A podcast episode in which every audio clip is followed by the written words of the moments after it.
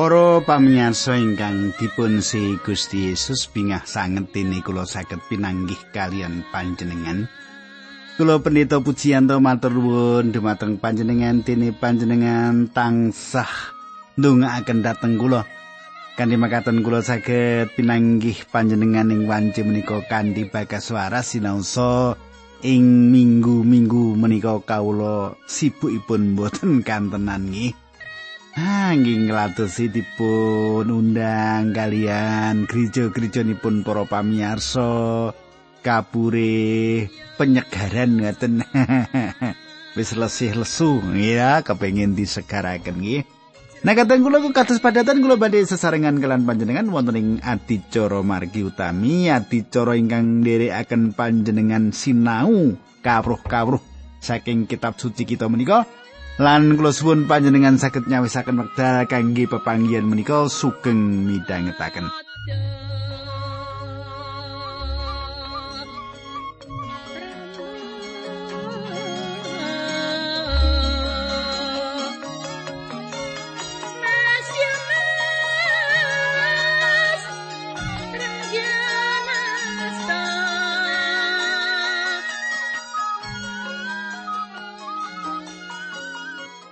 Para pamirsa kula badhe ngringkes menapa ingkang kula aturaken duk nalika pepanggihan kepengker ing pangangkah panjenengan tasih saged emut menapa ingkang kula aturaken menika nggih.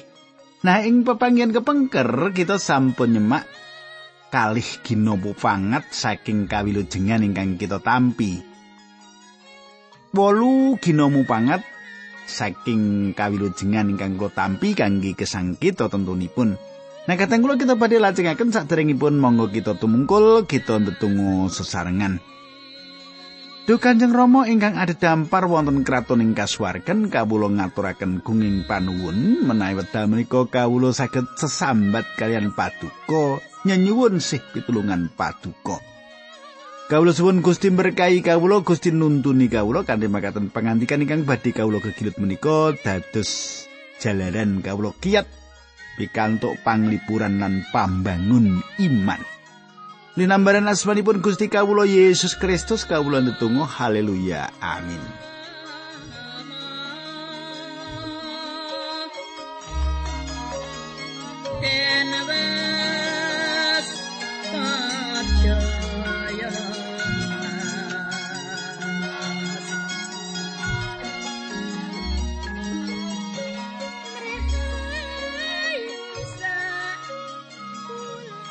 Para pamirsa pasinaon kita sampun lumebet serat Rum gangsal ayat kalih welas. Pasinaon kita sampun lumebet serat Rum gangsal ayat kalih welas. Kita sampun sinau kekeyutan kawilujengan tiang dosa. Samenika kita dumugi kados pundi tiang pitados dipun sucikaken wonten ing salebetipun kawilujengan kita dipun nyatakaken minangka tiang leres. Nanging Gusti Allah ngersakaken langkung namung dipun nyatakaken minangka tiang leres. Dipun beneraken mboten ateges dados tiang leres. Dipun beneraken ateges ing ngajengipun pengadilan suci Allah ing ngarsanipun korining kasuwargan tiang dosa ingkang kesasar samenika dipun nyatakaken leres nanging manahipun dering karibah. Menawi panjenengan gadah anggapan bilih Gusti Allah ngersakaken nilaraken tiang dosa ing salebetipun dosanipun panjenengan klintu. Gusti Allah ngersakaken andadosaken kita manungsa ingkang saleresipun. Dados Gusti Allah kagungan satunggalipun rancangan ing salebetipun kawilujengan ingkang kalian tiang dosa kala wau. Gusti Allah mboten namung meratelaken tiang dosa ingkang leres, nanging Gusti ugi badhe andadosaken tiang dosa leres. Kanthi makaten Gusti Allah nyawisaken margi supados tiang dosa saged tuwa ing salebetipun sih rahmat lan dados suci. Utawi dipun piyambakaken kunjuk Gusti Allah. Utawi turahan pasal menika dipun sebat kegiatan nyucikaken. Ing salebetipun kegiatan nyucikaken kita nampani menapa ingkang dipun sebat kepemimpinan tular tinularipun Adam lan Sang Kristus nggih. Menapa ingkang dipun tindakaken Adam nulari sedaya ingkang wonten wingingipun, menapa ingkang dipun tindakaken Sang Kristus nulari sinten kemawon ingkang wonten wingingipun. Nah, samenika bab gangsal ayat ke-12 ing serat Rom. Mlebune dosa ana ing donya kuwi jalaran saka wong siji lan dosane wong siji mau nekake pati. Pati mau nuli nyrambai sakaing manungsa sebab saben manungsa wis nglakoni gawe dosa. Para pamirsa, samenika perlu kita mangertos bilih dosa ingkang kita rembah inggih menika dosa Adam, dosa kawitan Adam. Sanes ingkang kaping kalih utawi kaping tiga utawi kaping sekawan dosa kawitanipun inggih menika anggenipun boten bangun turut ing Taman Eden ingkang anda tengaken pati atau sedaya turunipun. Dosa menika nuntun kula nimbang malih satunggalipun bab ingkang saestu penting panjenengan lan kula inggih menika tiang dosa kados dene ingkang kita sanjangaken ing salebetipun sekawan perkawis ingkang benten.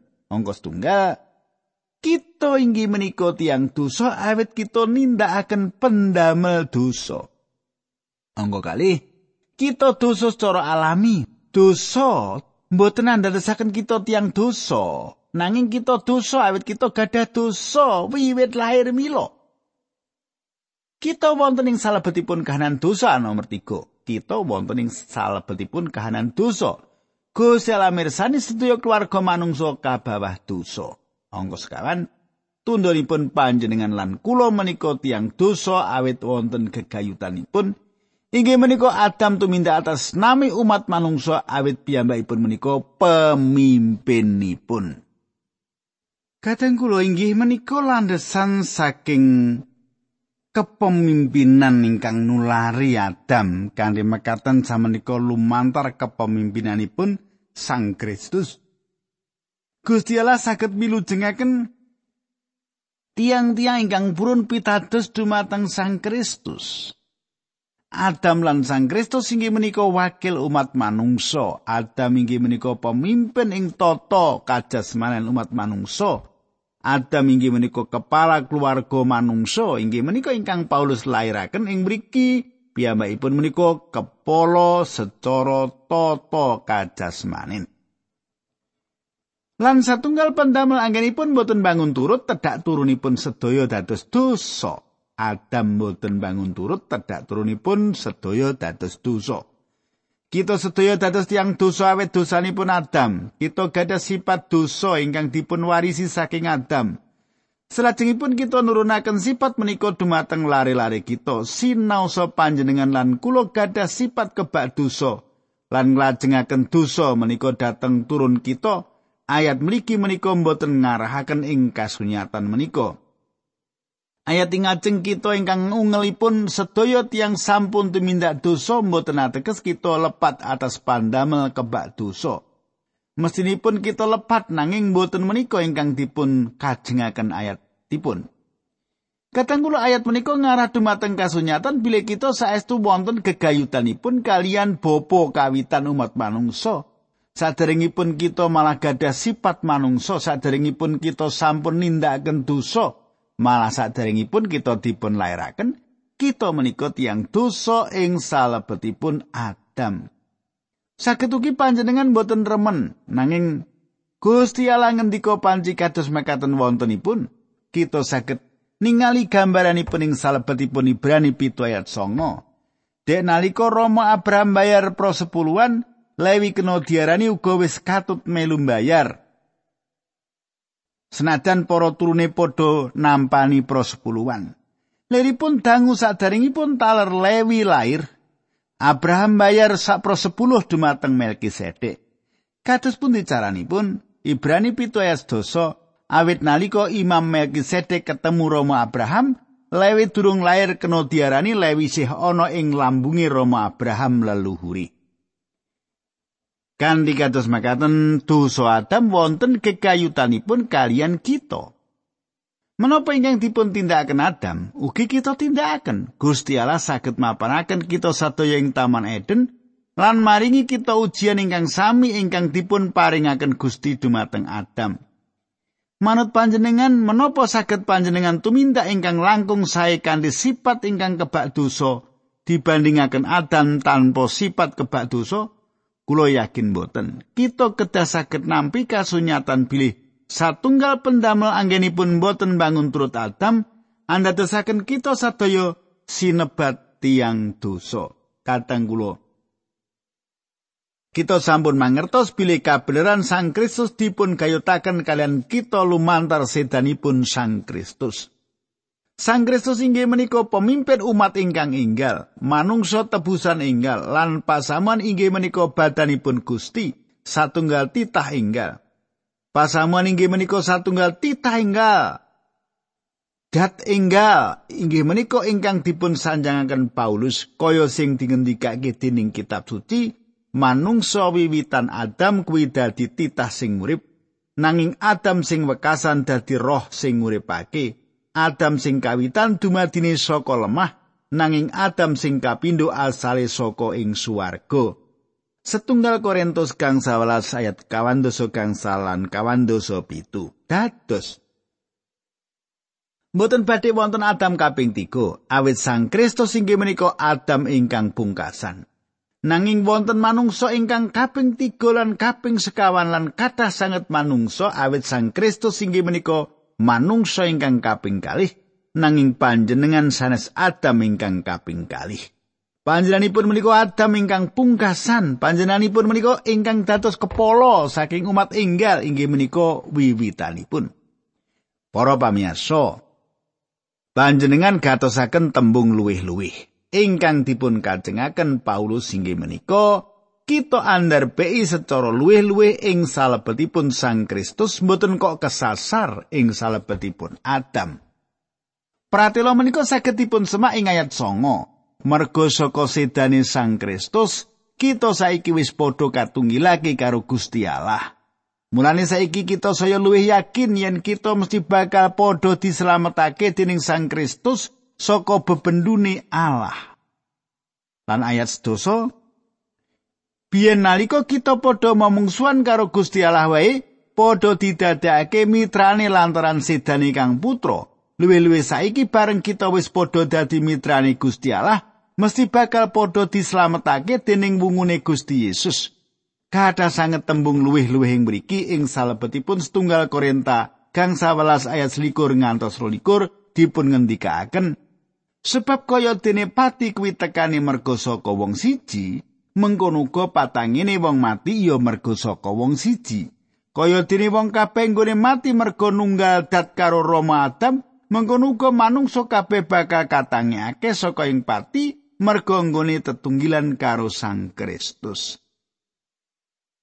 Kadang kula pati nempuh marang Adam lan menawi panjenengan badhe mbuktekaken bilih dosa kawitan Adam ingkang saged dados wakil kanthi tetimbangan kenging menapa bayi alit kedah pecah kamangka bayi alit menika dereng nindakaken dosa.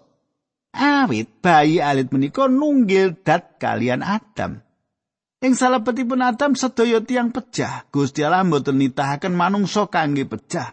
Gusti Allah kagungan perkawis ingkang langkung sae ing papan panyimpenan lan dipun ginakaken ing jaman samenika.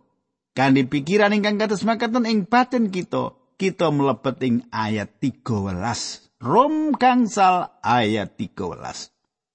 Dosa wis ana ing jagat sadurunge Torat kaparingake dening Gusti Allah. Nanging yen ora ana angger-angger, dosa ora kapetung. Kadang kula Saking Adam ngantos Musa dosa sampun wonten ing jagat nanging ing wekdal menika dosa sanes satunggalipun panerak. Dosa namung dipun wastani satunggalipun pambalela dumateng Gusti Allah. Inggih menika jalaran Gusti Allah mboten maringi paukuman pecah dumateng kain ing wekdal piyambakipun mejahi sederekipun. Kula mboten saged mikir wonten tiang ingkang gadah tumindak ingkang mboten satriya kados ingkang dipun tindakaken kain. Nanging wedal semanten Gusti Allah dereng paling pangandikan, aja padha memateni. Panjenengan saged semak pangentasan kali dosa ayat 13.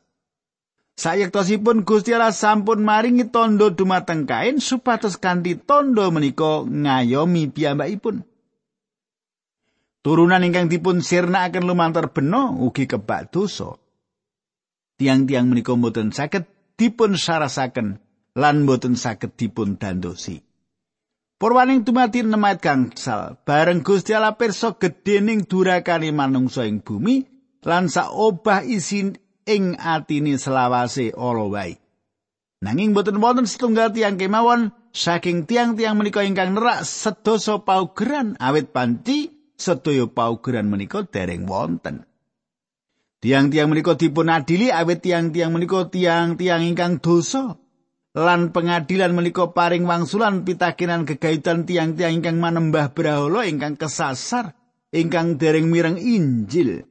Jawabanipun inggih menika sedaya manungsa kalebet ing salebetipun dat ingkang kesasar.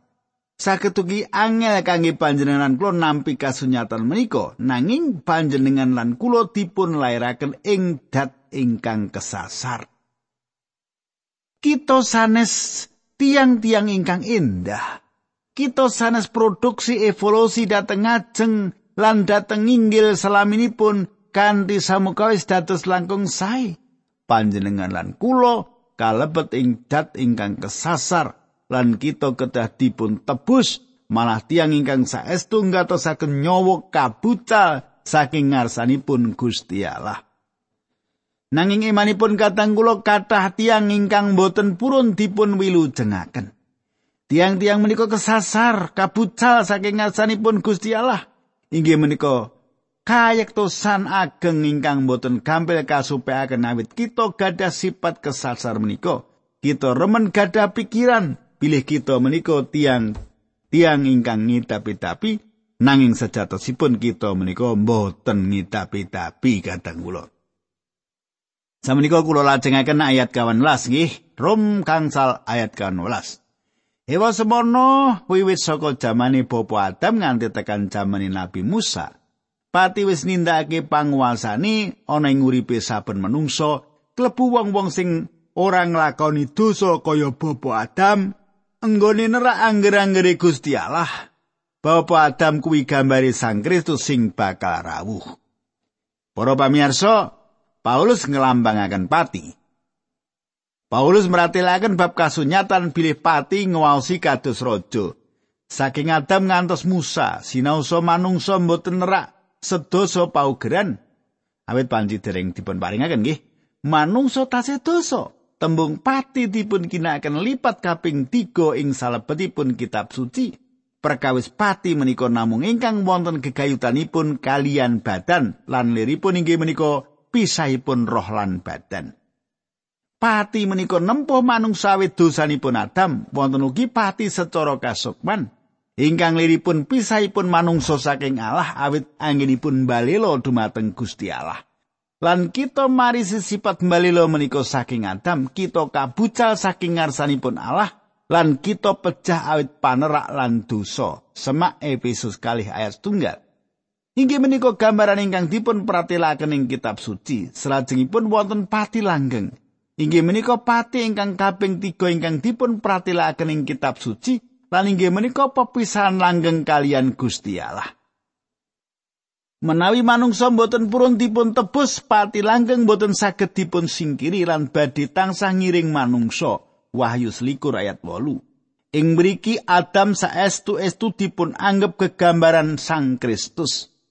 Kegambaran utawi Adam menika gambaran panjenenganipun ingkang badhe rawuh. Liripun Adam menika gegambaranipun Sang Kristus. Ayat gang 11, Rom gangsal, ayat gang 11. Nanging sekarone ora padha sebab kanugrahane Gusti Allah ngluwi yen ditimbang karo dosane Bapa Adam. Panjenake wong sing padha mati mergo dosane wong siji. Nanging sih rahmat Gusti Allah luwih gedhe meneh. Mengkono sih kanugrahane Gusti Allah sing kaparingake ora nganggo bayaran marang wong akeh lantaran sih kamirane wong siji ya kuwi Gusti Yesus Kristus. Para pamirsa, jaman-jaman kita ngantos-antos satunggalipun perkawis ingkang langkung ngidapi-dapi dipun bandingaken kalian Taman Eden. Kados priyantun ingkang nyerat serat Ibrani nyukani mangertos Ibrani 11 ayat 13. Wong-wong mau kabeh padha ngantepi percayane nalika sedo turung padha tanpa perkara-perkara sing diprasyake dening Gusti Allah mau mula mung padha nyawang saka kaduan lan padha nanggapi kanthi pangarep-arep wong-wong mau padha rumangsa ana ing bumi kene padha dadi wong manca lan wong neneka Para pamirsa lajengaken ayat 16 Rum gangsal. Pancen gedhe banget bedane kanugrahane Gusti Allah karo dosane wong siji mau. Nalika dosane wong siji mau ditetepake salah, nang bareng dosa munda akeh nuli putusan kanugrahan kedawuhan ora salah. Para pamirsa, samenika kula mangertos bilih menika satunggalipun urusan ingkang angel lan inggih menika salah satunggal perangan ingkang paling angel. Kangge nyederhanakaken ingkang dipun kajengaken perangan menika inggih menika satunggal paneraan dadosaken manungsa kasilep ing salebetipun dosa lan satunggal patrap bangun turut lan sedanipun Gusti Yesus ing kajeng salib dados jalaran manungsa ingkang kesasar kawilujengaken. Ayat 17. Pancen mergo panerake wong siji pati nuli wit ngombro-ombro jalaran wong siji mau Ewa semono luwih gedhe panguasane wong siji liyane, ya kuwi Gusti Yesus Kristus. Saben wong siji nampani kalubiraning sih rahmate Gusti Allah lan nampani kayekten sing diparingake kanthi gratis bakal urip lan nindakake panguwasa lantaran Gusti Yesus Kristus. Para pamirsa, Paulus saderengipun meratelaken ayat 18, bilih pati ngwaosi kados dene raja pati ngwaosi awis saking satunggal tiang ingkang nindakaken satunggal panerak. Inggih menika dosa asal satunggal tumindak nyakup sedaya umat. Ing mriki Paulus meratelaken kerajaan sanes ingkang langkung ageng saking kerajaan pati. Kerajaan ingkang dipun kajengaken inggih menika kerajaan gesang. Perkawis menika dipun tawakaken dumateng warga negara kerajaan pati lumantar sih rahmat ingkang luber-luber. Manungsa namung perlu nampi kemawon raja kerajaan gesang inggih menika Gusti Yesus Kristus. Sih rahmat dumugi lumantar panjenenganipun. Ayat 18 Yen mengkono kaya dene panrake wong siji nekake paukuman marang wong akeh mengkono uga panggawene wong siji sing bener ngluwari wong akeh lan marake wong akeh mau padha urip Inggih menika watunan dasar saking anggenipun kacancang dosa lan anggenipun kacancang kayektosan. Inggih menika doktrin kepemimpinan ing salebetipun Adam lan Sang Kristus. Ayat 19. Padha kaya pembangkange wong siji mau njalari wong akeh padha dadi wong dosa, kaya mengkono uga merga pembangun turute wong siji akeh wong banjur padha kabenerake. Kadang kula ing mriki Paulus nyimpulaken alasanipun bab kepemimpinan ingkang satunggal patrap ingkang boten bangun turut saking Adam andadosaken sedaya tiang dosa. Boten namung dados ingkang andarbeni dosa secara kajasmanen, nanging lepat awit pendamel dosa, dosa turunan. Anggenipun bangun turut Sang Kristus sedolan bungunipun dados jalanan Gusti Allah meratelaken leres dumateng tiang-tiang dosa ingkang pitados dumateng panjenenganipun. Ayat kali doso turat kuwi diparingake dening Gusti Allah nanging nyatane panerak saya munda akeh. Semasa dosa munda akeh, sih rahmat uga saya munda akeh. Kadang kula Imedal Gusti Allah paring pauguran Torat panjenenganipun maringaken pauguran menika sesarengan kalian aturan kurban. Salajengipun Sang Kristus rawuh kangge ngganepi perangan menika ugi kanthi tembung sanes Gusti Allah maringaken dumateng umat manungsa umat manungsa ingkang kesasar satunggal wewengan kangge dipun uwalaken saking kalepatan dosa mboten sifat dosa panjenengan lan kula badhe gadah sifat lami dosa ing saklaminipun gesang kita. Ayat likur padha kaya patining menungsa merga saka dosani kaya mengkono uga sih rahmati Gusti Allah nguasani uripe manungsa srana bebeneran lan nuntun kita marang urip langgeng lantaran Yesus Kristus Gusti kita. Kadang kula Padha kaya patining manungsa merga saka dosani. Panjenengan lan kula sawegesang ing salebetipun jagat menika ing pundi dosa gadah panguwaos.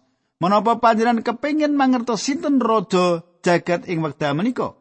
Kitab suci nyukani mangertos kita bilih iblis inggih menika ingkang dados pangeranipun. Inggih iblis menika ingkang minggah dhateng inggil lan ngandhap jagat menika kangge madosi sinten ingkang saged dipun mangsa. Tinggal tunggal Petrus gangsa ayat 8. Dosa gadah pangwaos atas alam pati.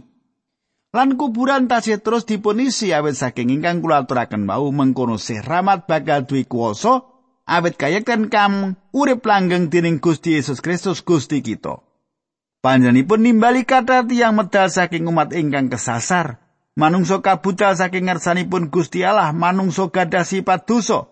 Samenika Gusti Allah nawakaken kawilujengan dumateng umat ingkang kesasar.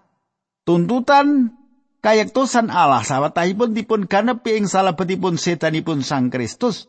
Kerajaan sawetahipun lan leres-leres dipun ndekaken ing kajeng salib Kristus. Sedaya landesan sanesipun boten bakoh. Tiang dosa ingkang pitados samenika nampi gesang langgeng kanthi cara dipun tunggalaken kalian Adam ingkang pungkasan juru wilujeng ingkang wungu lan dipun agungaken perkawis menika andadosaken sarana kasucanipun tiang dosa ingkang sampun dipun wulijengaken. Nah, keteng kula kula cekap bisa mantar biyen nggih kula lajengaken sanes wekdal kita ndedonga. Duh Kanjeng Rama ing swarga kawula ngaturaken gunging panuwun. Menawi wekdal menika kawula saged tetunggilan kalian sedherek-sedherek kawula. Lan kawula saged midhangetaken sabda pangandikan paduka matur nuwun Gusti linambaran asmanipun Gusti Yesus kawula ndedonga amin